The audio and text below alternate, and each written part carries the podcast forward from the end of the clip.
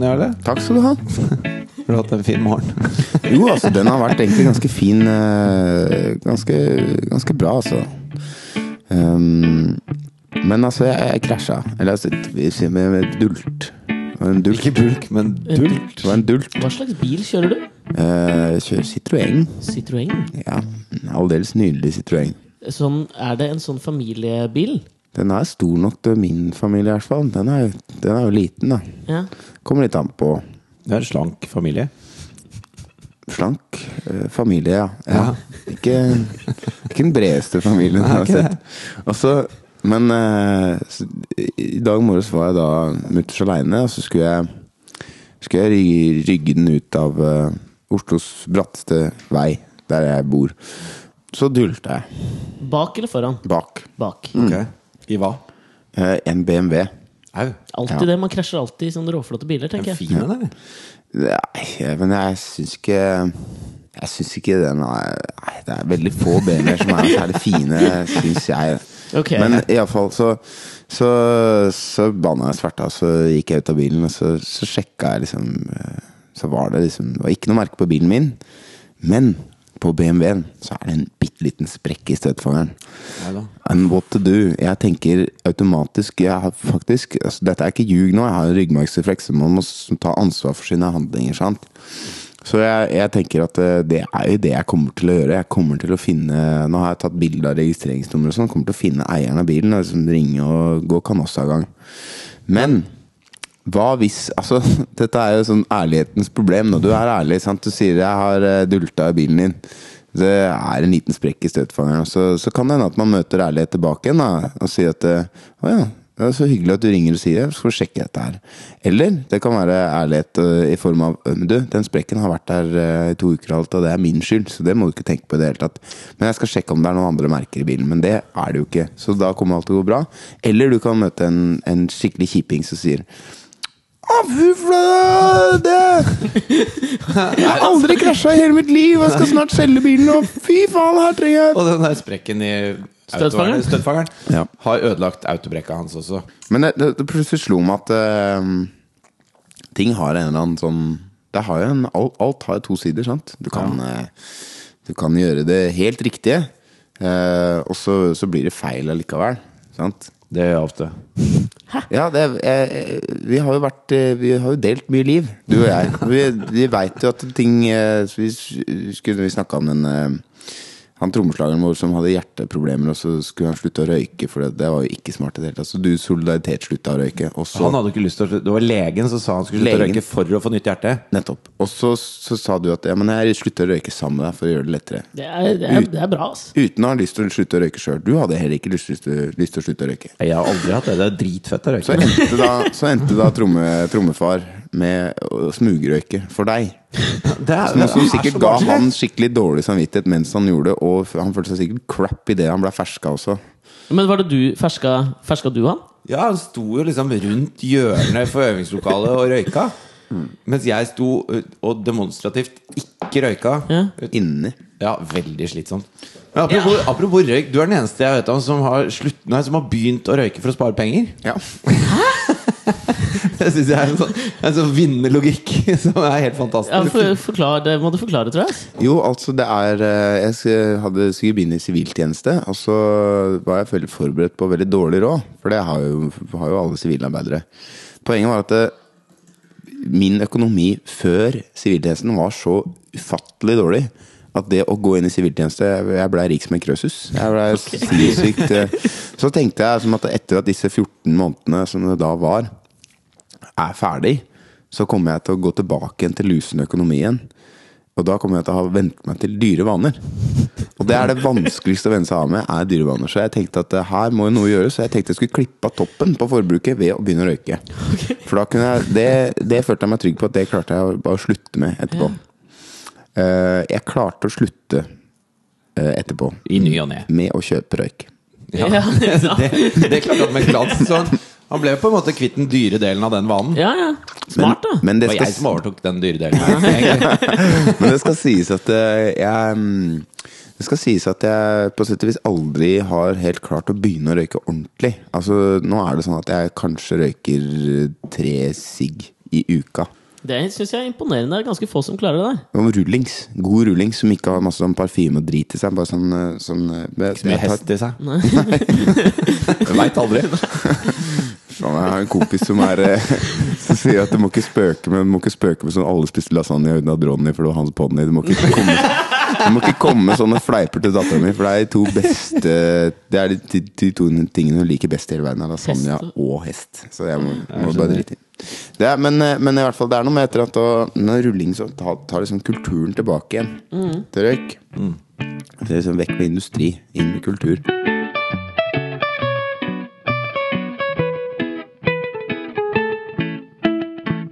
Velkommen til Alex og Fritjofs podkast. Vi Lang innledning. Ja, veldig lang intro, men det syns vi er hyggelig, altså. Jeg syns det var en veldig sånn god stemning. Du har, du har Jeg vet ikke om det er morgenstemmen din, eller om du har en sånn stemme, Jarle. Men det, jeg ble Han sånn har en rolig. malmfull stemme. Ja, det, sånn deilig, det vet rolig, vel hele Norge by now. Ja. Tusen takk. Men eh, vi må introdusere dagens gjest. Dette begynner å føles veldig seint. Ja, men det skal jeg si deg noe. I går kveld så lå jeg på senga. Og så tenkte jeg at um, Så avantgarde av deg? Nei, men altså, Nå skal jeg være helt alvorlig her. Ja. Jeg har skrevet en liten tekst til dere to. Det er en ganske pompøs eh, tekst, da men jeg følte at det var litt sånn, noe veldig sånn spesielt for meg. For jeg kommer liksom med en slags sånn tredjepart inn i noe som kanskje for mange oppfattes som en sånn eh, kunstnerisk dualitet her. Jeg skjønner. Um, og da følte jeg at jeg måtte bringe noe til bordet, jeg også. da Ok Så Skal du ha en kopp kaffe mens vi hører på den pompøse teksten Den er ganske lang år, skjønner du. Så bare, ja, jeg ble liksom litt revet med, da. Okay. Men uh, nå tar jeg av mikrofonen, og så skal jeg framføre dette med, med Fynd og klem. Ja, men Da gleder vi oss fælt her. Så Ikke begynn å le nå. Jeg mener dette alvorlig. Altså. Okay, jeg, lå, jeg, jeg lå på senga i går og skrev dette her i fullt alvor. Påkledd? Ja Ja. Ok. Skal akkurat til å spørre om det er akkurat det samme. Dette er er det. understreker poenget. Ok, er dere, er dere klare? Ja. Så 2013 var altså året som skulle gi oss Yoko Onos 80-årsdag, 35-årsjubileet til Fleetwood Macs mesterverk Rumors, og for ikke å glemme den genetiske paringen av Beyoncé Knowles og JC. I gamle Egypt de- Ikke avbryt Nei, ok, det visste jeg teksten! Unnskyld. Du kan Beklager. Jeg skal holde kjeft nå. Nei, du kan få lov Hva var det du lurte på? Er Beyoncé gravid? Hun har født et barn. Oi, ok. Greit. I gamle Egypt så satte de ethvert prinsipp i relasjon til dets motsatte eller komplementære prinsipp. I kulturhistorien finner vi i genialiteten den samme formen for dualitet. Ikke le. Som da gallerieier John Dunbar introduserte John Lennon for Yoko Ono på Indica Gallery i 1966. Eller da Mick Fleetwood hørte Lindsey Buckingham og Stevie Nicks Frozen Love i Sound Studios i LA i 1974 og bestemte seg for at den gitaristen skal vi ha i bandet vårt. Eller da JC bestemte seg for at 97 problemer, én Beyoncé og én Blue Ivy Carter, som da er navnet på barnet, okay. var noe han kunne leve med. Denne dualiteten som har forsøket på å nå en erkjennelse av naturens iboende balanse eller symmetri, og som kan nå kosmiske proporsjoner, bærer også i seg eliminering som et viktig element. Mange guddommer symboliserer dette fenomenet når de blandes med hverandre, eller når deres natur forenes i en syntese. En sånn guddom var for mange rockeelskere bandet Span, som i 2005 dessverre bestemte seg for at nok var nok. Span var nemlig en metafor. En metafor som viser Horus-bevisstheten som har eliminert de motstridende krefter og handlinger gjennom nettopp en syntese, og som her i dag gjenforenes for første gang i Alex og Fridtjofs podkast på kjøkkenet til Horus, eller sett alt ettersom hvordan du ser på det, som en slags gjenforening av yin og yang. En eterbasert brødbryting, en auditiv fredspipe. Velkommen, eh, Jarle Bernhoft. Tusen, tusen hjertelig takk. Applaus! Du hadde merket at han definerte meg som yang. Det syns jeg er Ja. Men la du merke til at jeg var horus? Fordi, altså, jeg, tenkte, altså, det er, jeg tenker at det er en del av våre lyttere som kanskje ikke vet eh, på en måte deres forhistorie, som vi nå har på en måte pirka bitte litt borti, hvor dere fortalte at dere hadde bodd litt sammen i England og sånn. For det er ikke alle som kjenner til Span, tror jeg. Ja, vi har vært i hverandres lomme i ti år, sikkert. eh, Med litt pause nå noen år, da. Ja. Um, Jeg tror fram til nå, kanskje i fjor, så var vel Jarle det mennesket, bortsett fra min far, som jeg har sett mest. Ja. For nå har jeg vært sammen med Katrine i fire år. Ja. uh, og da, da tror jeg hun har tangert rekorden til Jarle. det er noe med. Var bruddet til uh, Span preget av noe slags form for krangel? Nei. Det var Nei, vi, det- det? Vil jeg var- egentlig ikke si. Vi var resignasjon, og vi var triste. Ok. Men dere var ikke sinna på hverandre på noe tidspunkt? Altså? Nei. Nei, Er ikke hadde- det ganske vanlig? det, kan hende at det, det kan hende at du har vært litt sint på meg for at jeg ga meg, men jeg, det, det, jeg har ikke opplevd det sånn. Nei, uh, vi begynner der, altså, rett og slett, Ja, med en gang. Um, nei, jeg har, jeg har ikke vært sint. Uh, det har vært uh, Det har vært frustrasjon eh, involvert. Men, eh, men jeg tror Jeg har veldig tro på uh, forandring. Jeg, jeg tror forandring er bra, da. Men det var du- Jarle som ga seg. Ja. Ja, det var okay. det.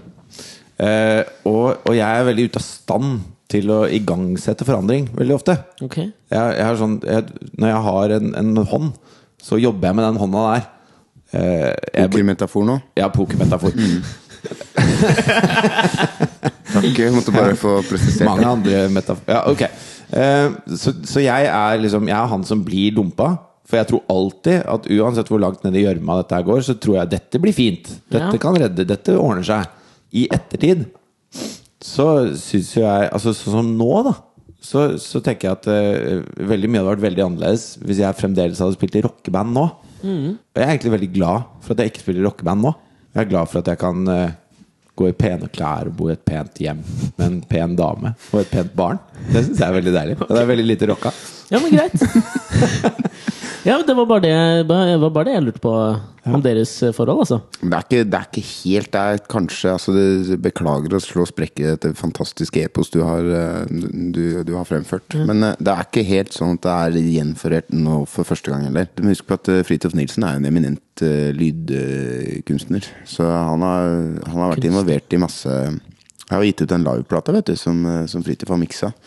Det er kanskje den ene gangen jeg følte at han ble litt sur på meg. For at, eh, men det var, ikke, det var ikke bare min skyld. Men det var, altså, han var ikke kreditert. Det- Ja, da, ja. Mm. Du ble ikke kreditert som mikser av hele driten. ja det, Og jeg glemt. Det, det var faktisk litt snutt for. Ja, det, den- det, koselig, nei, det, det, det var, men det, det er en glipp. Okay. Det var ikke meninga å utelate den. Så står det liksom står 'Produced by Jarle Bernhoft'. Og så, så står det ikke 'Mixed by Fridtjof Nilsen'. Men det kan jeg bare opplyse alle lytterne om nå, at det er det faktisk. Så denne liveplata som jeg ga ut for noen år siden. Men så har vi jo laget noen videoer sammen. Altså disse YouTube-racerne. Det er også sant! Det, Sammen med Hans Fredrik Asbjørnsen. Det, Ser du hvor påpasselig han var nå på å påpeke at det var en til som var med? Ja, ja. I motsetning til visse andre rundt dette bordet. ja, ok, yeah, greit, så er dere ikke gjenforent første gang. Men for, for meg oppleves dette som en, eh, som en, eh, som en for første gang eh, altså. Ja, men det er hyggelig. Ja. Ja. Føles det ok? Er det deilig? Føles Føles veldig bra. veldig fint, altså.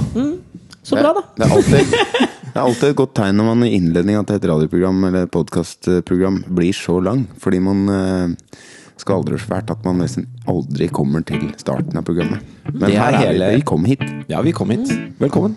Takk.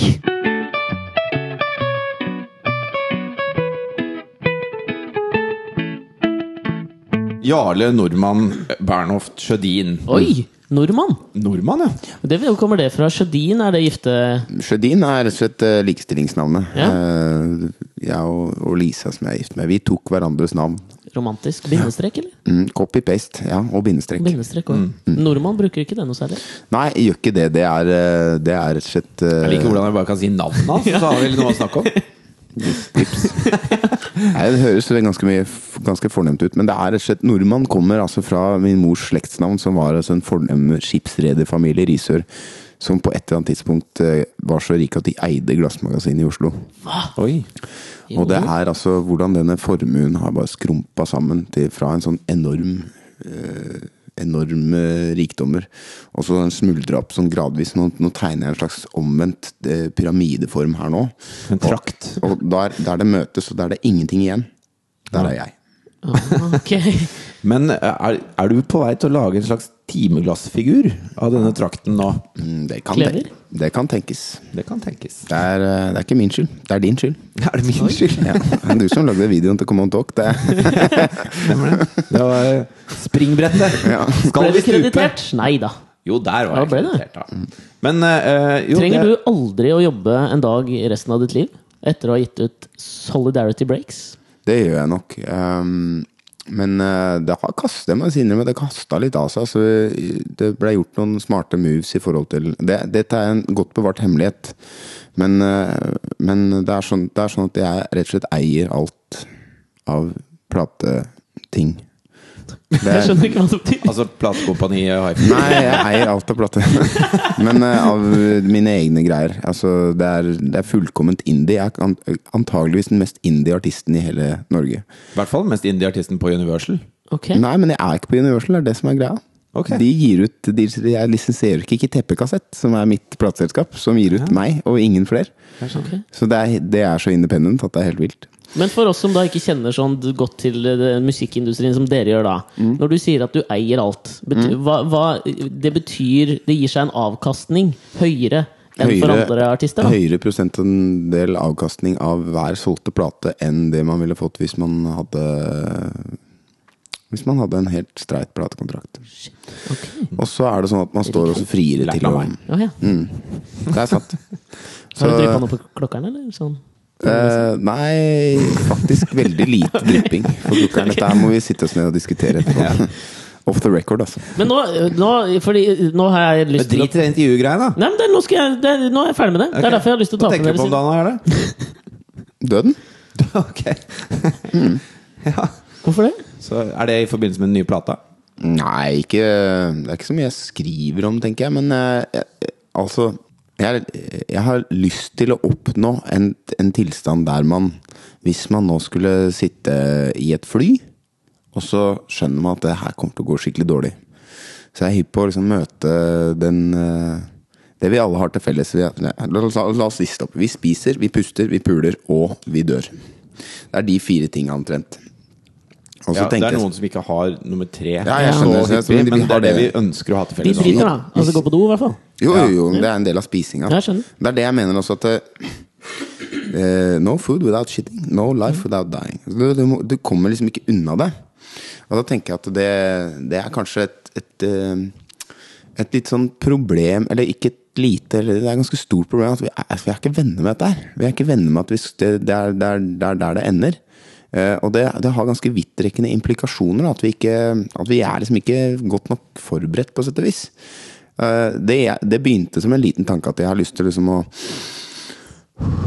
oppnå en slags grad av uh, zen, Nirvana, på en måte? Zen, eh, breeze, wax on, wax off-tankegang. Eh, Hvis jeg nå sitter i dette flyet Jeg flyr jo en god del. Så hvis jeg nå sitter i dette flyet og tenker at shit, nå er vil ikke, vil ikke ah, Så tror jeg den opplevelsen blir mye kjipere av å dette ned og vite For det er jo det er ikke noe vei utenom. Sitter du i et fly og, og styrter, så, så er du dau. Og jeg da tenker jeg Vent litt, nå er jeg ikke ferdig. Så er det sånn at Eh, når jeg har snakka med folk om det der og liksom blir venn med at du skal daue, og det kan like gjerne skje nå, så syns jo folk jeg er en freak. Eh, altså, det er veldig mange som får liksom litt sånn hetta at jeg tenker på, tenker på døden som en kompis, liksom. Altså, eh, men, men jeg, jeg det, det er jeg at jeg vil bare bli venn med det uunngåelige på en måte som Altså, jeg forbereder meg litt på det. Jeg tenker liksom over det, og jeg merker at det, det skal jo ikke mer enn at en bråbrems på bussen, så er liksom Så biologisk, eh, refleksmessig, så vil du holde deg fast, for du har ikke lyst til å tryne og slå ut tenner og Altså Det er på sett og vis et, Du prøver å holde døden på, på avstand da, ved, å, ved, å, ved å sikre deg. sant? Og det, det, det gjør jeg òg. Jeg er ikke noe hypp på Jeg er ikke noe hypp på å daue nå. Jeg, det, er ikke, det er ikke så jeg er ikke suicidal, men jeg bare tenker på at eh, Jeg tror da at uh, her kommer, her kommer uh, brannfakkelen her sånn. Eh, Osama bin Laden og Anders Breivik, eh, Behring Breivik er sannsynligvis verdens og Norges mektigste personer. Og de er det pga. at vi nekter å face facts. At vi kommer til å daue. Og det synes jeg Jeg syns ikke de burde få så mye makt. Så jeg syns at uh, vi burde sette pris på livet og sånne ting. Men jeg syns ikke vi skal uh, sikre oss til døde, uh, for å bruke det ordet. for, å, for å holde oss i live, da. Så jeg tenker at det, man må um, jeg, jeg, jeg, jeg er hypp på det. Jeg er på å slå et slag for å bli kompis med, med den endelige forandringa som er eh, utrolig, det er utrolig spennende, da! Ja. Hva er det som skjer, liksom? Det er ingen som veit det! Du, du, du, der hvor du kommer over en ny tilstand, og kanskje det blir til jord, og kanskje det blir til en sjel. Og, fy faen, det er så kult! Ja. Nå har jeg tusen gleder meg så nå tar vi en jævla bumper, Ja. og så begynner det.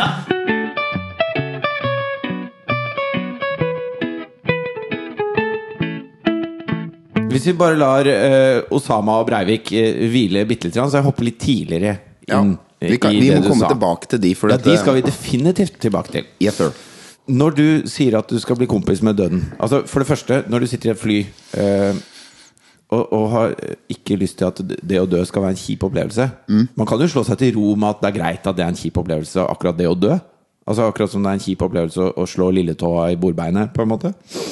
Ja, Det er på sett og vis det vi har gjort. Da. Det er en sånn gjengs greie i den vestlige verden. At vi, vi har bare slått oss til ro med at eh, det vil vi det, Døden, det, det Når den er uunngåelig, så, så er det en kjip opplevelse. Men man kan jo si at det som er på vei sånn. til døden, altså selve skuddet i magen derfra, Fra skuddet i magen treffer til du dør, det kan være en kjip opplevelse. Jo, men det handler jo om fysisk smerte. sant? Jeg har en sånn veldig mm, partikulær høydeskrekk. Den eh, det er ekst, akutt, ekstrem høydeskrekk opp til omtrent 25 meter.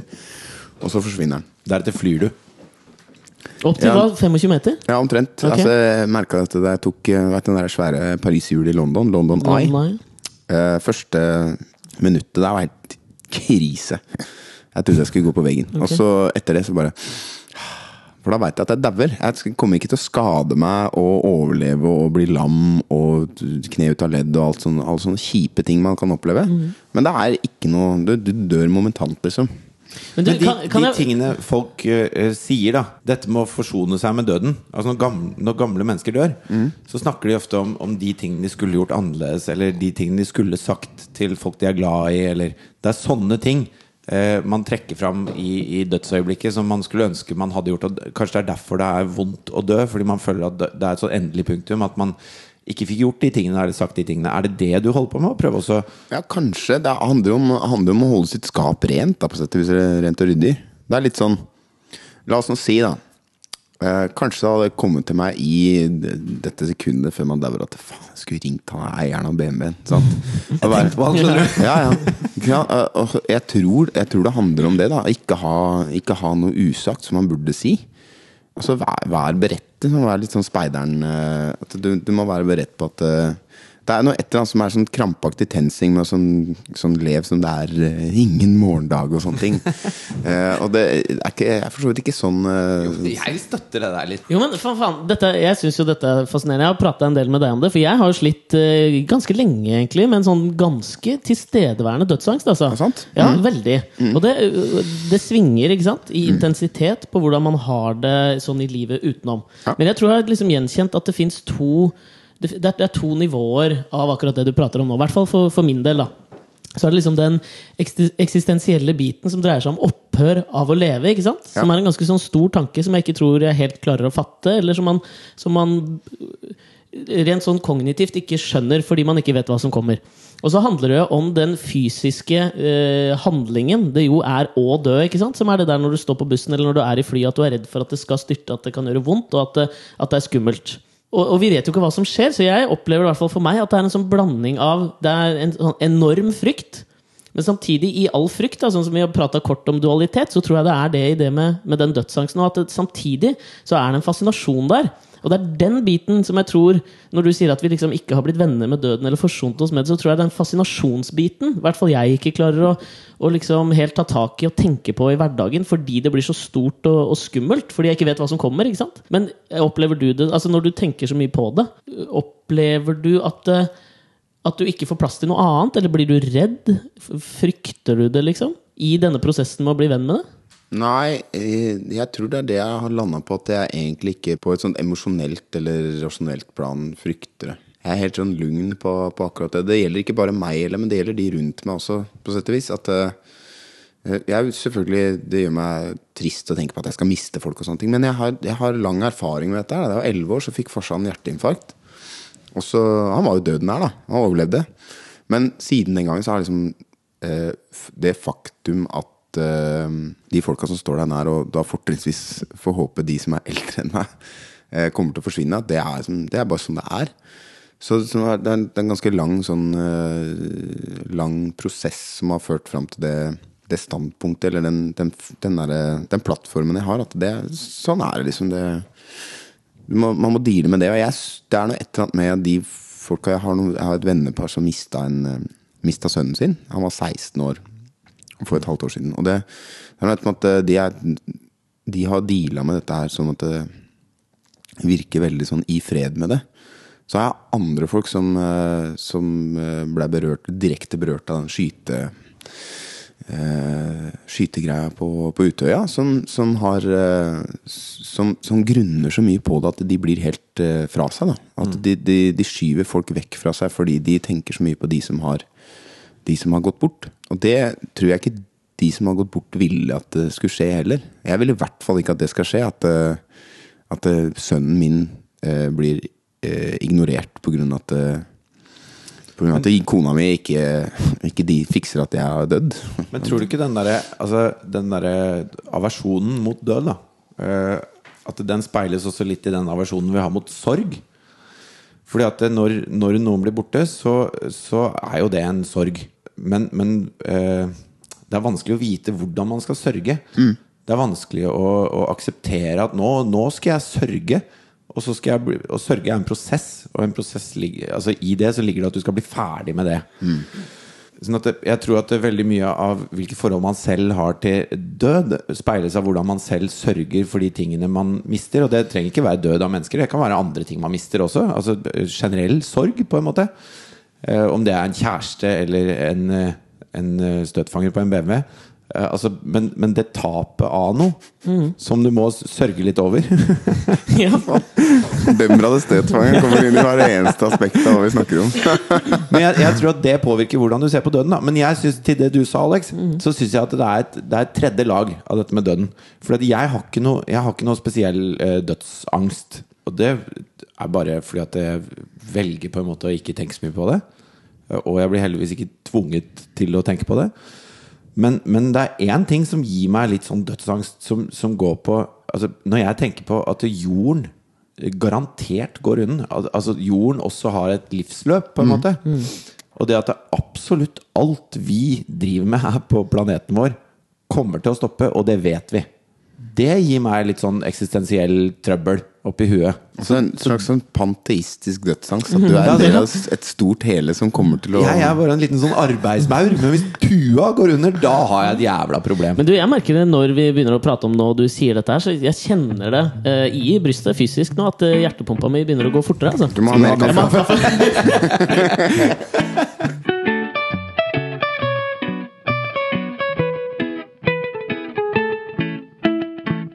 Barn har jo en veldig sånn derre De prøver å finne ut åssen verden funker.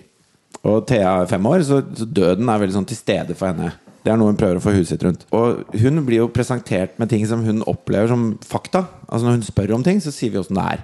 Eh, og for henne så er døden eh, Døden er veldig til stede, da. Fordi at det er et faktum. Og hun har ikke bygd opp de der forsvarsmekanismene som er jeg kommer til å slå meg til ro med døden, eller eh, når jeg dør, så kommer det til å være sånn. Altså, hun vet ingenting om dette her. Hun bare vet at sånn er det, og det kan hun ikke gjøre noe med. Så det kan jo hende at det der med å nirvana eller zen som du prater om, er en slags kultivering som, må komme, som man må vokse seg inn i. Ja, eller så kan det hende at unga sitter med fasiten. Jeg tror Det du snakka med sorg og sånne ting eh, Sønnen min har nettopp slutta med smokk. Det er nok en sorg. Den, eh, og det, den reaksjonen han hadde på det, eh, altså natt til, natt til mandag, den var helt ekstrem. Han lå og skreik, og han, skrek vil ha smukke, vil ha smukk'. Veit ikke hvorfor han smukk? Jeg vet ikke hvorfor han eh, uttaler det sånn. Men eh, det var liksom i tre timer før han eh, falt til ro. Eh, Av ren sånn- utmattelse, da, kanskje. ja, han var helt eh, Og jeg, jeg overhørte en samtale han hadde nede på badet. Da, sånn, 'Men du er jo stor gutt nå, Samuel. Du er jo blitt tre år.' 'Jeg vil ikke være stor gutt, jeg er baby!' og så eh, Nei, men vil du ikke Du, du er jo du er en stor Du er jo en stor gutt. 'Jeg er ikke gutt.' 'Hva er du da? Er du en drage?' 'Nei, jeg er ikke en drage.' Og så, så han var nede på badet, og jeg satt i trappa og hørte dette.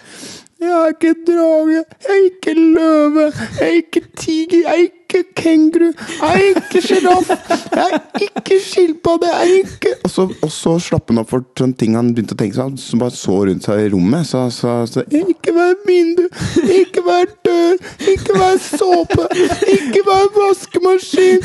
Ikke. Og så var det tomt for ting på badet, så da gikk han, eh, da gikk han tankene hans gikk inn i bua. I buret? Jeg, jeg, vil ikke være støvsuger! Jeg vil ikke være maling! Jeg vil ikke være luft! Da ramset han opp alt han ikke ville være. Så sa jeg 'jeg vil ikke være noen ting'. Og så var det Og dette, dette var starten på det hele. Og, og det fortsatte liksom med at han sparka og slo. Han var, liksom helt, han var helt fra seg. Den største kjærlighetssorgen jeg har sett hos noe menneske noen gang. Og, og vi, vi skjønte at han er fortvila. At han er ikke umulig nå, liksom. Han, han, han ville bare ikke sove i det hele tatt. Han var så trøtt at han holdt på å stupe. Så det, han sovna altså på eh, mid sentence. Sovna han altså med hodet liggende på låret mitt og resten av kroppen på fanget til, til Lisa. Så.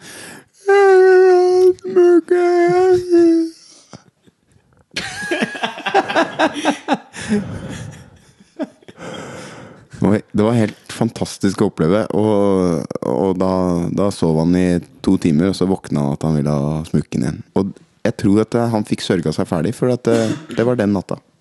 Og etter det så har han ikke Han tok, han tok sorgen på alvor. Han tok sorgen på alvor. Han, jeg tror han blei ferdig med det på én natt. Og det sier jeg ikke at han skal bli, da hvis det er liksom noen som dør, og det er det er noen mennesker som betyr noe for en mer enn en, en plastgjenstand som man putter i kjeften. Som en slags substitutt. Det, jeg tror nok på mange måter at unga har en fasit altså, når det gjelder det der. Men åssen er Thea? Er hun, hun Hun skjønner at det er noe som ikke eh, det, det bare er der, du får ikke gjort noe med det. Men hvordan eh, er hun redd for det? Kan hun, kan hun bli grepet av en sånn Problemet er jo at hun har ikke noe sånn spesielt begrep om tid. Ja. Altså når hun, når, når hun snakker om eh, fem minutter, så for henne så kan det være en time, eller det kan være to sekunder. Eh, og, og hvis Det er ikke noe rart, det, med, med, med, med ditt forbilde. Er det om to minutter? Ja, ja. Men sånn at eh, når hun vet at alle skal dø, så sier jeg men det er jo lenge til. Ja, hvor lenge da? Nei, det er Altså, det er 80 år. 80 år til. Uh, og for henne, når jeg sier 80 år, så, så spør hun da Ja, er det på fredag? altså, hun har ikke noe begrep om hva disse tingene er. Og så prøver jeg å si at ja, men Men er hun redd? Altså, er hun redd for det som da kanskje skjer på fredag? Nei, Hun er egentlig litt sur på meg fordi alle skal dø. Altså, hun er egentlig litt sånn der i opposisjon uh, mot det. Hun syns det er dumt, da.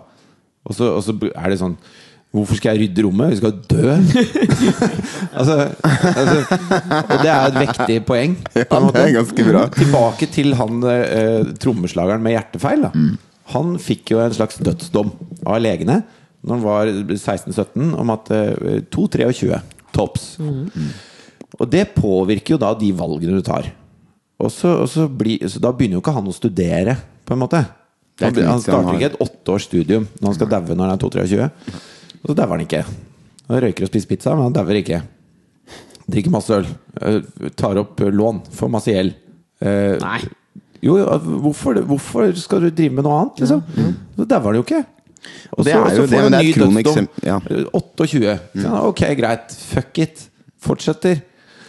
Og så Han er jo eldre enn meg. Han lever i beste velgående, han. Har fått nytt hjerte òg. Fått nytt hjerte òg. Jo, men det er sånn øh, Jeg har Ja, Arnold vært Schwarzenegger òg, visste du det? grisehjerte. Grisehjerte. Sant? Ja. Jo, men jeg, jeg har vært igjennom disse her, da. Når jeg på en måte har prøvd å forholde meg til de tingene. Sorry. Hva var det du skulle si om dødsangsten din? Alex? Man, man, øhm, man går gjennom de tingene, tror jeg. Eller i hvert fall jeg gjør det. Man går gjennom alle de mulighetene. i hvert fall Man går til en sånn nihilistisk greie. Ingenting betyr noe. Jeg kan bare Skal jo dø. Det betyr Ingenting har noe verdi, ikke sant? Man kan gå dit. Ja. Eller så kan man gå til at det, Altså Jeg går i ytterpunktene til at alt har så mye mening at det blir ganske slitsomt å forholde seg til hverdagen. ikke sant?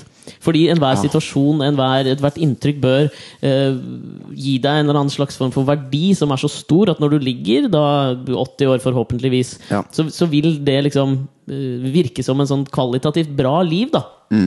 Og det, og det jeg tror jeg har liksom gjenkjent det for meg sjøl i, er jo at eh, det utløses. da Det er ikke noe sånn at man går med en dødsangst 24 timer i døgnet 365 dager i året. Men det er visse sånne punkter i livet og ting som skjer, sant? som gjør at det, du nødvendigvis må begynne å tenke på det.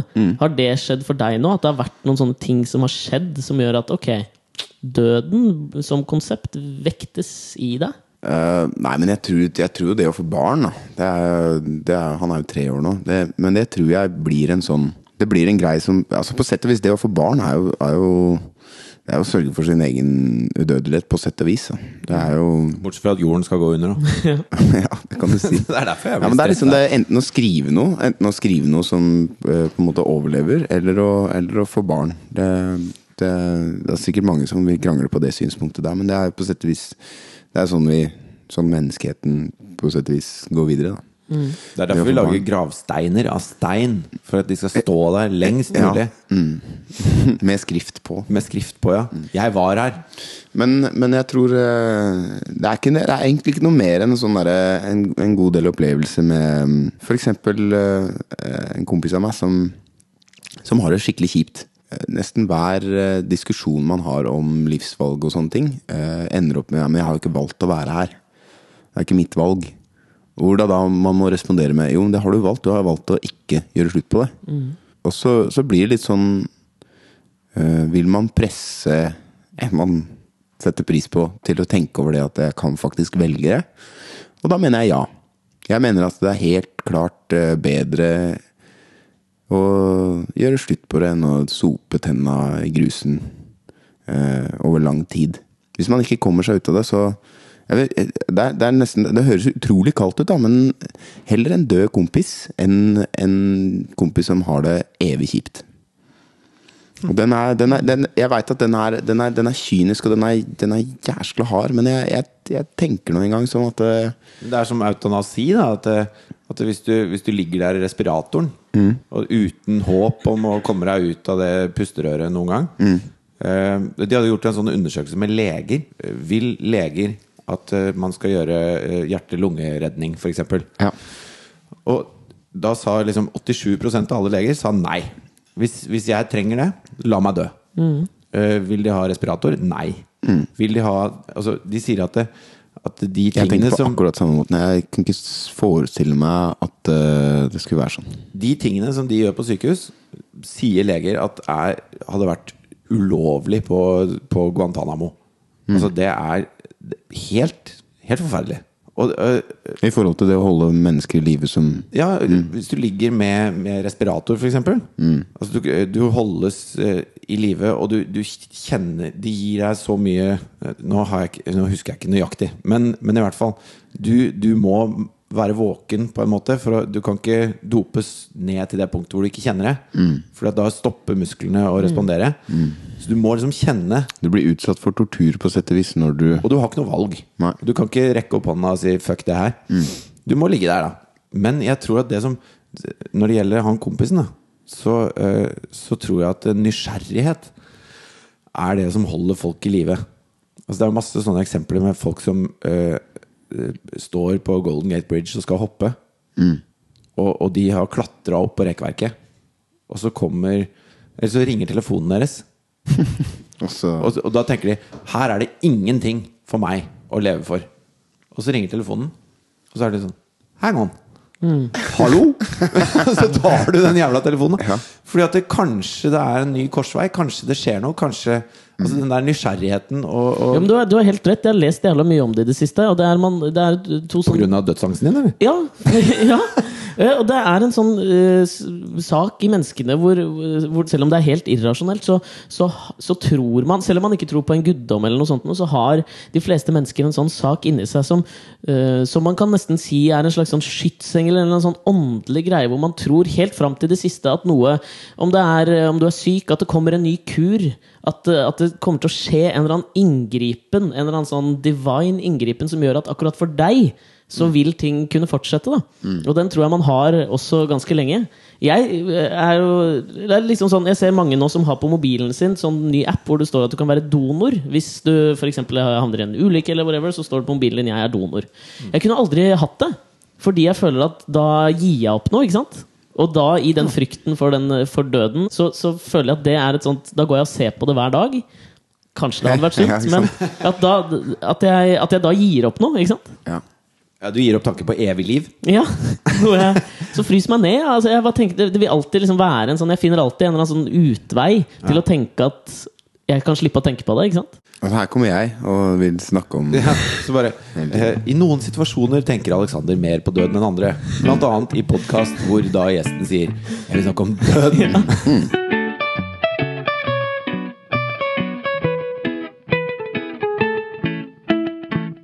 Det er mange ting som jeg ikke skal si, men som kan sies om denne kompisen. Som, eh, som jeg, det er ikke sånn at jeg ønsker folk rundt meg døde, liksom. Det, det, det tror jeg alle skjønte. Så, så, så men det er viktig å få fram. Men, det er, men jeg, jeg tenker noe som så at Eller jeg har selv opplevd alt dette med, dette med høydeskrekk og, For det, det, det bunner jo i en, en angst for å falle ned, ikke sant?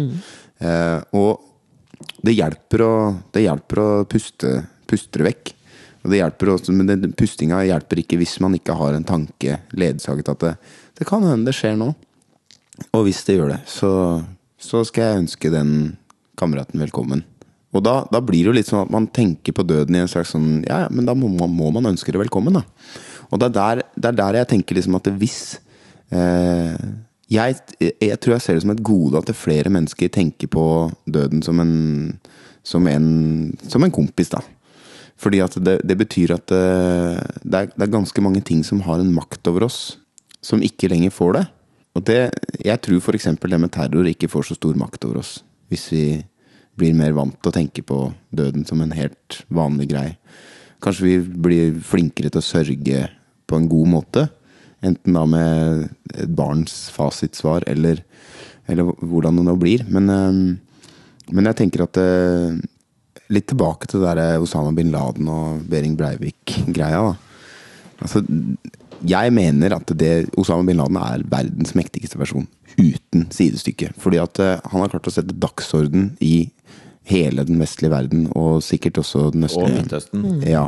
Og Afrika, for den saks skyld. Ja, Afrika sikkert. Altså de, det, det, på et globalt perspektiv så har han mye mer å si enn enn noen statsleder. Eh, bare fordi at alle er Jeg syns også det er forstemmende å se at eh, eh, norske regjeringa med liksom Arbeiderpartiet i spissen, som da var hovedmålet bak liksom 22. juli-terroren, eh, blir stilt til ansvar for at beredskapen ikke var god nok. Altså det er sånn Det er en sånn etterpåklokskap som vi ikke kan Vi kan ikke drive med det. Nei, det, Når det jeg, jeg, noe som aldri har skjedd før, så kan man ikke drive med sånn type etterpåklokskap. jeg mener at man det til, til, til dels så skal man jo sikre seg. Man skal, man skal ikke være dum heller. Jeg, jeg går ikke liksom Jeg, låser bilen, liksom. Jeg, men man skal, ikke, man skal ikke sikre seg til fant, da. Og det, det- jeg jeg syns vi er liksom helt ville veier der, sånn. Jeg, jeg tror ikke vel, det, En følelse av sikkerhet, ja, men, men det er liksom Det er helt over styr, da.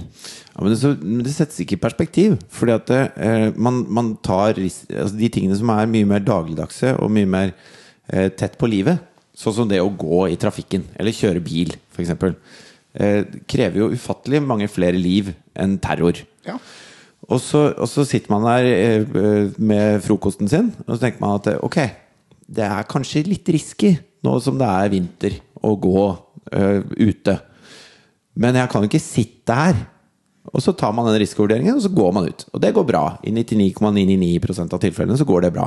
Det, men det er en, en, eh, en risikovurdering det er lettere å ta, da, for det er på en måte en eh, Altså, det er noe man, man vet er der. Men jeg tror når det er noe sånn ukjent, som er at eh, ting kan plutselig sprenge i trynet på deg, eh, sånn helt ut av det blå, og for hvilken grunn, og hva er dette for noe, og hvorfor gjør de det, og så videre sånn, så, så er det på en måte mye skumlere enn de trusselbildene som man, man opererer med hele tiden. Da. Jo, men det er jo, ikke, det, er jo kjent, det er jo ikke kjent hvordan det er å krasje i en bil. Det er jo ikke kjent å vite hvordan det er å ha et ratt i magen. Liksom. Det, er ikke, det er jo ikke kjent i det hele tatt. Jeg, når folk opplever det, så tror jeg de opplever det som ganske jævla ukjent. Ass. Ja, ja, men, men samtidig, du vet at det skjer. Og, altså at folk krasjer, Ja, og at folk dauer. ja, Og, og allikevel så velger man å kjøre bil. ikke sant? Så man, så man, man aksepterer at man skrines, og at uh, man ikke får lov til å ta med seg eh, så så mye væske inn på et fly pga. at noen har funnet ut at det er en smart måte å lage bombe på. Det aksepterer man. Men samtidig så aksepterer man på en kjøretur som er kanskje noen få kilometer, så legger man livet sitt totalt i hendene på eh, hundrevis av folk som kommer kjørende i en effektiv fart av 160 km i timen motsatt kjøreretning uten å ha midtdelere. Jeg tenker at det, det er jo en Man sikring hverandre. det er jo en sikring man burde ta. Man burde ha, man burde ha midtdelere på alle veier. Det finnes teknologi og økonomi til å lage automatiske fartsgrenser. Det er bare å installere en chip i alle biler. Ved, ved EU-kontroll, som korresponderer med den fartsgrensa som er. Det er ikke mulig å holde en fart som er høyere enn en, en enn den farta som er. Jeg har en billigere løsning. En god en. Ja. Midt på alle ratt så monterer du en bajonett. Og du sitter her med, med en kniv mot brystbeinet.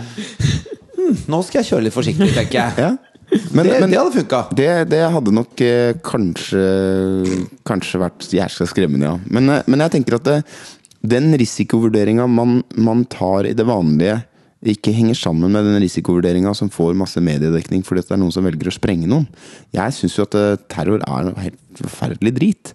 Men, eh, men den makta den får over oss, er også eh, har en sammenheng med hvorfor den er blitt vanlig etter hvert òg. Hvis du tenker på hvordan vi relaterer oss til alle disse temaene her, da, så kan du si at vi, vi velger å, å kjøre for fort fordi vi tror det ikke kan skje med oss. Men der er det noen slags sånne eh, Samfunnet kan ta noen ansvar og noen grep som gjør at vi kan endre på det. Og vi kan sette opp midtdeler, eller vi kan uh, lage et overvåkningssamfunn da, for å hindre at det skal skje.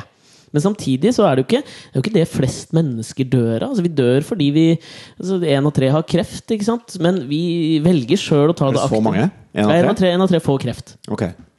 Uh, vi, og vi tar fortsatt de aktive valgene i vårt eget liv, da.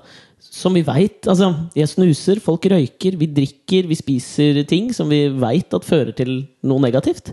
Og de aktive valgene tar vi jo sjøl, selv om vi veit at resultatet vil være det eller det. Det gitte sykdomsbildet, da. Ja.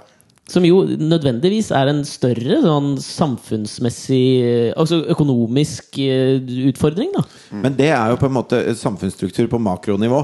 Altså der Man tar valg i sitt eget liv som er sånn jeg, jeg vet at dette ikke er det beste jeg kan gjøre. Det å, å, å drikke en flaske vin eller to nå er ikke det beste jeg kan gjøre for kroppen min, for, for livsløpet mitt, for alt mulig. Men det er det beste jeg kan gjøre for kosen akkurat nå, og da prioriterer jeg det sånn.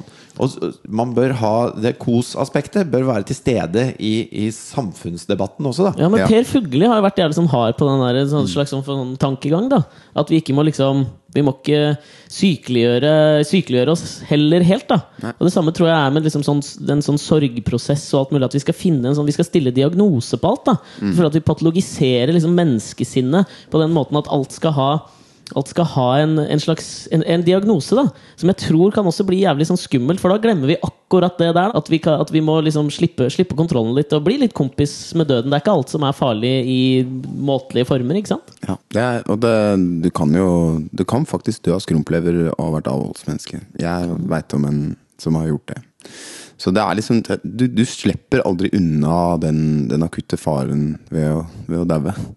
Så, så, så jeg, når jeg sier det med midtdeler og sånne ting, så er det mest fordi at jeg, jeg vil jo gjerne unngå at folk skader seg. Jeg vil gjerne unngå Altså Jeg tror det er samfunnsmessig så er det smart å få ned ulykkestallene, rett og slett. Fordi at det Ja, altså, koster masse penger, og det krever masse ressurser. Men, men det er også noe med at eh, jeg, jeg, møtte mm, Hva er det han heter? Han eh, ble, det ble kjent for eh, noen år siden, han som fikk eh, istapper i huet. Ja, Ja. Han som gikk på Grünerløkka. Ja. Han, han sitter i Han fikk flere, gjorde han ikke det? Jeg tror han fikk én isblokk i hodet. Ja. Eller var det isblokk, eller var det fra taket? Det var fra taket, så det var saksøking Ja. og sånne ting. Men, han, han har stå-på-kraft, altså. Fy flate. Jeg møtte han under Bylarm. Men, men han er i rullestol, og det er, en, det er en lang vei fram. Og jeg vil jo unngå at folk blir skada og blir maimed, liksom. Altså Altså, jeg mener ikke at midtrabatt går utover kosen. Nei. Midtrabatt kan vi godt ha, liksom. Det er jeg helt for. Ja, men- det, er, det er ikke den flaska rødvin jeg prater om. Nei, øh, men øh, da, da ble det, da ble det mange tråder. Det, det er min skyld. Men Det er et relativt stort tema, da. Ja, men jeg, jeg, jeg tror i hvert fall at vi skal Vi skal vi skal kose oss og vi skal, vi skal slappe av og sånne ting. Men det gjelder også liksom bare slappe av i Slappe av Jeg mener jo at man skal kjøre bil og, og slappe av. Jeg mener at man skal gå på gata og slappe av. Det kan hende det går gærent, men du kan liksom ikke ta alle mulige forholdsregler, for da, da, da blir det et fengsel, da. Ja. Og det er, det, er, det er litt det, det jeg merker skjer Altså Nå er jeg kanskje midt oppi det nå, men jeg, jeg skal snart til USA, og da skal det være sånn Jeg skal ha sånn derre visum. Arbeidsvisum. Og det er jo Det å deale med den amerikanske ambassaden er jo som å, som å gå liksom inn, i, inn i den største arrogansen som fins. Det er ikke fordi at folk er kjipe, det er fordi folk er redde. De er så redde, redde, redde. De er så redde for alt mulig. Det er helt vilt. Så du får ikke lov til å ha med deg bilnøkkelen din engang. For den kan jo Det er hun sender inn. Ja, Ikke, med, ikke, noe. tele, ikke, ikke telefon. Men det, er, men det er helt utrolig, den derre eh, Altså, jeg er jo vant til I Norge så er man vant til at hvis man, hvis man har et problem, og så presenterer man det problemet for noen, da. Så man ringer et sted, og så sier man at 'Du, jeg har et problem, kan du hjelpe meg med dette her?' Så, sånn og sånn. 'Dette er problemet mitt'. Så hører folk på deg, og så tror de på det du sier. Men jeg hadde jo eh, eh, ikke fått med meg at man måtte ha sånn, derre- eh, sånn digitalt pass for å komme inn i USA for en del år siden, når det ble bytta. da Så det hadde ikke jeg. Og så skulle jeg spille på eh, South by Southwest med det danske bandet jeg spilte i. Og så skulle vi møtes på Heathrow, og så fly derfra. De fløy fra Danmark, jeg fløy fra Norge. Og så flyr jeg til Heathrow, og så skal jeg sjekke inn på den flighten videre. Og så eh, står vi der alle fire, og så går det greit med de tre, men jeg kommer ikke inn, da. For jeg har ikke det der. Og så på passet mitt så står det at det er gyldig i fem år til, da. Så jeg hadde ikke tenkt over det. Ehm, så jeg kom, eh, kom meg ikke på det flyet. Så det var no go. Og så ringer jeg da eh, til på en måte eh, amerikanerne. Ringer jeg immigrasjonsmyndighetene for å forklare saken. Og da, uansett hva du sier, så hører du at de er sikre på at du ljuger. Ja. De er helt overbevist om at du ljuger, og det er der du starter. da Og det, det er verdens mest frustrerende utgangspunkt for noe som helst samtale. Kom du deg til USA? Overhodet ikke. Jeg var hos Ben og drakk i en uke. Det var nitrist. Men du koste deg, eller? Nja, okay. jeg koste meg ikke så veldig. De andre spilte uten meg, det gikk dritbra.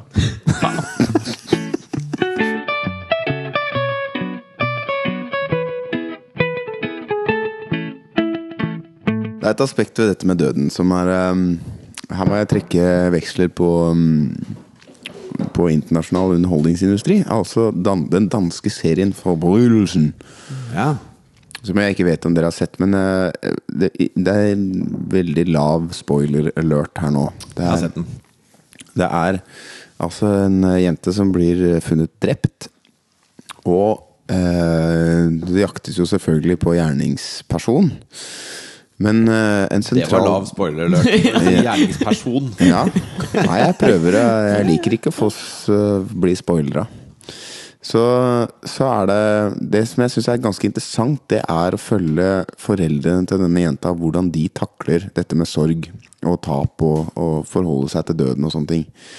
Og der er det, der er det sånn at eh, faren til hun jenta er veldig sånn Nå må vi ta vare på de to sønnene våre. For hun jenta hadde to små brødre.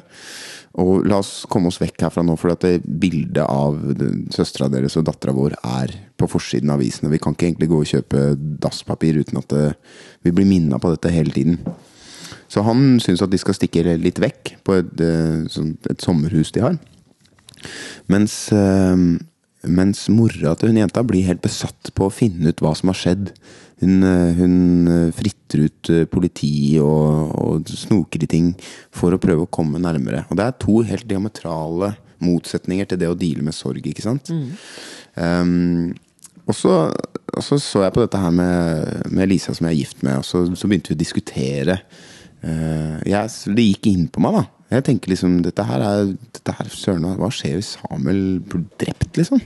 Hvordan kommer vi til å deale med det her? Så tenkte jeg at jeg skulle nesten gå inn i det med en slags uh, Kanskje vi skulle snakke litt om det? Sånn hypotetisk.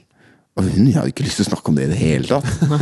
uh, og bare skydde temaet. Jeg tenkte at i det hensynet å kanskje forberede oss på det utenkelige, da. I og med at jeg har tenkt på dette med når jeg sitter på fly eller når jeg sitter på den skiheisen som, som holdt på å dette ned, og, og jeg tenker liksom Ok, forberede seg på noe. Så, så, så kanskje jeg trakk den litt langt, men jeg, jeg er Det borger jo ikke for en hyggelig fredagskveld. Nei, det gjør ikke det. Og jeg, jeg lå der etter at vi hadde sett på liksom fire episoder, for det er ulidelig spennende. Det anbefales, den serien. Ja. Men uh, idet vi hadde sett på fire episoder og la oss altfor seint, og sånne ting, så begynner jeg å kikke i taket og, og Du, Lisa, skal vi, hva, hva skjer med oss, da? Hva, hvordan skal vi deale med det? Hvis, eh, hvis Samuel Jeg mente jo at den, den, den riktige måten å gjøre det på, det er å stikke vekk. Det, er, det, det, er, det er på en måte Det, det vises jo ganske tydelig i serien nå at det, Altså når det- du sier 'stikke vekk', så mener du eh, det å gå videre og fokusere på det, det å gå videre, men det, det, inn, det innbefatter også da i, sånn, i, i det tilfellet her, da, eh, i forbrytelsen, så innbe, innbefatter også geografisk avstand. For Ja. du må komme deg litt vekk fra, fra VG og Dagbladet, liksom, som har, som har dette her i trynet ditt hele tida. Så, så Men å, å komme seg videre og ikke, ikke dvele ved det, liksom. Ikke dykke ned i den du må, du må gjøre noen valg. Og det de helt klart etter mitt mening burde ha gjort, da, var, å, var å ta valget at nå må, vi, nå må vi ta vare på de som er her. Og det, det gjør ikke hun, moren, det, i den serien. Og da, da tenkte jeg jeg skulle snakke litt med Lisa om det, da, men det var bare eh, For det første så hadde hun ikke så lyst til å snakke om det. Det skjønner jeg. For det andre så hadde hun eh, en sånn greie, sånn greie med at vi kan ikke vite hva den sorgen gjør med oss. Så det, det er, det, du snakker om ting som det ikke går an å egentlig snakke noe om, fordi vi vet ikke hva som kommer til å skje. Og det er der jeg mener Jeg er ikke enig i det, da. Fordi at jeg tror at eh, du vet eh, Du vet Du kan vite en god del. ved å tenke deg og sette sette seg inn i hvordan det kommer til å være. Og jeg tror at eh, det er derfor det er derfor folk øver på ting. For å kunne for, Derfor vi øver på, på hjerte-lungeredning, f.eks. For, eksempel, for å kunne stille bedre rusta når ting skjer. Jo, men her er, jeg, her er jeg enig med deg, og jeg er veldig enig med Lisa. Jeg òg. Fordi at eh, eh, hvis du tenker på at man skal Som du litt sånn, eh, litt sånn nyfrelst sa i sted, at man skal leve hver dag som det er den siste. Jeg sa det ikke nyfrelst, så må du slutte med det. Så, så tenker jeg at da, da er det For det, det er mange ting i, i hverdagen som man kan diskutere. Hva hvis det skjærer seg? Eller hva hvis det blir sånn? Hva hvis det går i dass og vi ikke får hatt den ferien vi skal ha? Eller hvis det ikke man får gjort ditt og datt? Eller hva hvis uh, jeg blir sjuk når det skal skje? Alle mulige sånne ting. Da. Som er helt sånne reelle diskusjoner man kan ha. Men som er eh, som er, helt, som er bare bortkasta tid, syns jeg. da Fordi at jeg må forholde meg til de tingene jeg har for hånden. Og, og jeg bruker veldig litt tid på å tenke på min egen død, f.eks. For eksempel. Fordi at eh, den tid, den sorg. Litt, det, det støtter jeg veldig opp om. Eh, så, så det som skjer nå, er det som er viktig. Og det som, det som skjer i overmorgen, det, er, det skjer i overmorgen. Da, da tar jeg den, på en måte. Men jeg er veldig enig med deg i det du sa med det også, også eh, gå, prøve å gå videre fra en situasjon. Ikke dykke sånn eh, det er så, det er så re regressivt å dykke tilbake i hva er det som har skjedd, hvordan skjedde det, hvordan eh, i forbrytelsen da, Hvordan døde datteren min? Hva gjorde dette mennesket med datteren min, og hvordan skjedde det? Det, det er Hun, liksom ikke jeg har jo ikke sett dette, men hun er på jakt etter en slags sånn closure på ting, da? Eller? ja, Hun mener at det gir en closure. Ja. Jeg er ikke sikker på om det gir en closure. Altså, dette er, det, det vi snakker om nå, er så det er for mange ukjente variabler. Hva kommer til å skje med deg sånn emosjonelt uh, i det å miste et barn? Du kan, du, du kan ikke forestille deg Hvis du prøver å forestille deg det, så blir du helt nødt, liksom. Ja. Så jeg, jeg skjønner det også, men eh, det er kanskje for, forutsetning for å kunne gjøre det der, er å ha et helt sånn lakonisk forhold til døden. Da. Helt sånn Ja, det skjer. Ja.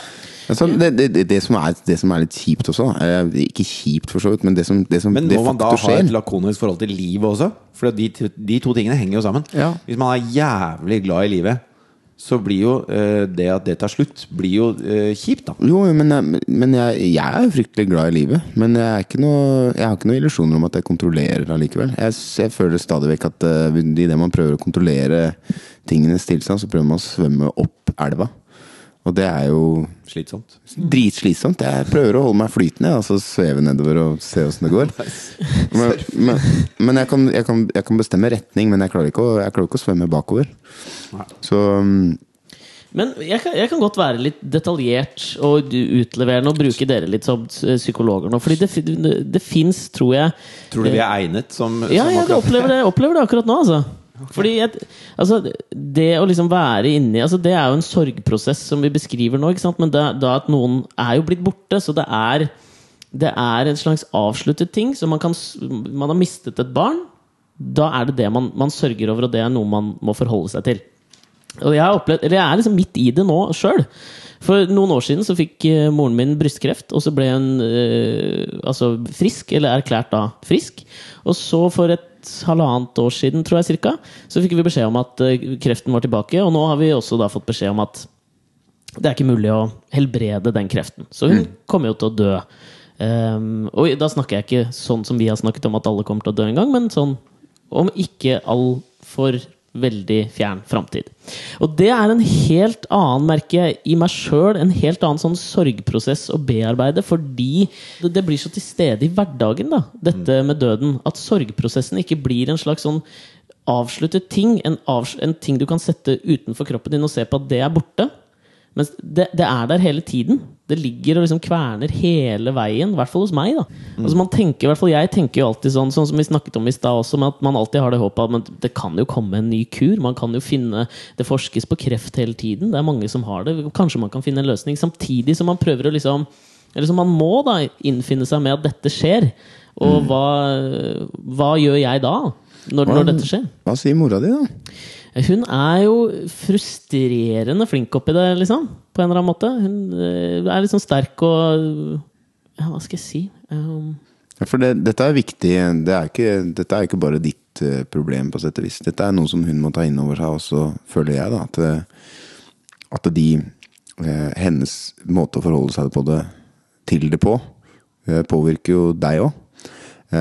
Så eh, min anbefaling som psykolog her nå, er fritt ut mora di, rett og slett. Finne ut Kjøre henne litt på det, liksom. Hva er det hun tenker om det? Fordi at du, du trenger å vite det. Det, det tror jeg vi, vi, vi, vi som sitter her, og lytterne også, det burde, burde tenke på. At uh, ditt liv er jo ikke bare ditt eget. sant? Du må, du må faktisk være ærlig med de rundt deg, og ikke, ikke kjøre opp en front når det, når det er deg sjøl som står i sentrum. Så jeg tenker at det er, det er faktisk også din mor sitt ansvar å, å være helt up front med, med deg. I hvert fall hvis du spør. Noe du burde gjøre. ja, Det er et vanskelig materie å gå inn i, merker jeg. Synes jeg. Det er Det er kjempevanskelig. og man føler jo aldri at man er helt klar for det heller. ikke sant? Det er det med den der pågående sorgprosessen hvor man bare tar litt. Man får noen sånne dråper Mm. istedenfor å kanskje ta tak i det og liksom Ja, Man er nødt til å kle av seg helt, tror jeg. Men Jeg tror man er nødt til å skrelle av seg alle lag av pretensjon om å bare være helt fuckings ærlig med det. om, det nå, om det nå innebærer at du må si gråtende til mora di at jeg er skikkelig redd for at du skal dø. Og, jeg, og Du må finne ut hva er det hun er redd for. Er hun redd for at det skal gjøre vondt? Er hun redd for døden per se? Liksom? Er det, hva er det hva, Hvis hun er redd for noe. Hvis hun ikke er redd for noe. Hvis hun bare Nei, men du, smerte er ikke så farlig. Og det å dø, det, det, er, det er en forandring. Mer enn det er en ende. Så, så kan jo faktisk du ta det litt med ro også. Men det er jo litt sånn eh, Tror jeg, da. Håper jeg. Jeg, synes jeg syns eh, for hobbypsykolog å være, så syns jeg det var et veldig godt råd. eh, Ja, det synes jeg. Klokt og veloverveid. Tusen tusen. Eh, og, og det jeg tenker eh, i forbindelse med det, er jo det at eh, når det er en så stor ting, for dette er jo en enorm ting, så må på en måte alle baser dekkes inn. Nå har ikke jeg noe erfaring med det du snakker om nå, men, men fra nære forhold, på en måte, da. Så merker man jo veldig godt at hvis den ene eh, er veldig på den ene sida, så blir den andre tvunget litt over på den andre sida, for, fordi man krever likevekt, liksom. liksom. Men mot, motstykket til det er jo å prate sammen. Og, og, og ta en del av tingene sammen. Sånn som Jarle sier. Smarte Jarle, kaller vi han. Ja, dette, nå sparte dere meg akkurat ganske mye penger i psykologtimer, folkens. Ja, Takk skal dere ha. bare hyggelig. Jeg tror jeg vil anbefale råd fra en psykolog også. Og vær så god til dere også, lyttere. Ja, vær så god.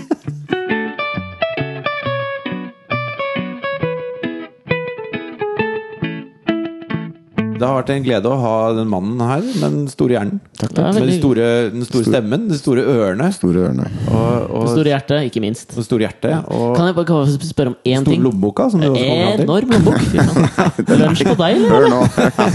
Den er ikke så enorm. Krøsus. Klart den er. Jeg bare lurer på én siste ting, da. Og det er når er det det kommer en ny plate? da? Jeg driver skriver til det nå, men uh, jeg syns jeg du har brukt lang tid. Ja. Ja. er implisitt i det spørsmålet. det, grunnen til at det tar lang tid, er eh, er jo at jeg er fryktelig dårlig til å skrive låter mens jeg er på turné. Og så har jeg vært veldig mye på turné, så nå er det Nå er det litt sånn fokus på det. Så hvis den plata er ferdig i løpet av dette året, så kommer den vel ut neste år, tenker jeg. Men eh, jeg er litt i dimma på hva det hele skal handle om, ser du. Døden, eller? Ja, det kan hende jeg må, jeg må ta det inn. Kanskje jeg skal lage dansbar music on death? Det hadde ikke det vært fint? Ja, vi Det, den platen. jeg har hadde kjøpt eh, dansbar dødsmusikk. Ja. Uansett. When your eh, face, the Death, him with a smile. Det blir så kjempebra. Det blir en hit. Takk for at dere hørte på Alex og Fritjofs podkast. Send oss mail på alexogfritjof.gmail.com eller like oss på Facebook. Alex og Fritjofs podcast. Eh, om å gjøre å snakke fortest mulig. Da. Jeps. Vi snakka så sakte i dag i forhold til hva ble. Ja, vi, gjorde, vi gjorde det, men det var koselig. Eh, nå skal Jarle Bernhoft kjøpe en monsterlunsj til oss. andre konfir vi er Han er rik, vet du. Ja. Champagne skal vi drikke. Foie gras! Oh. Maintenant! ha det fint. Ha det.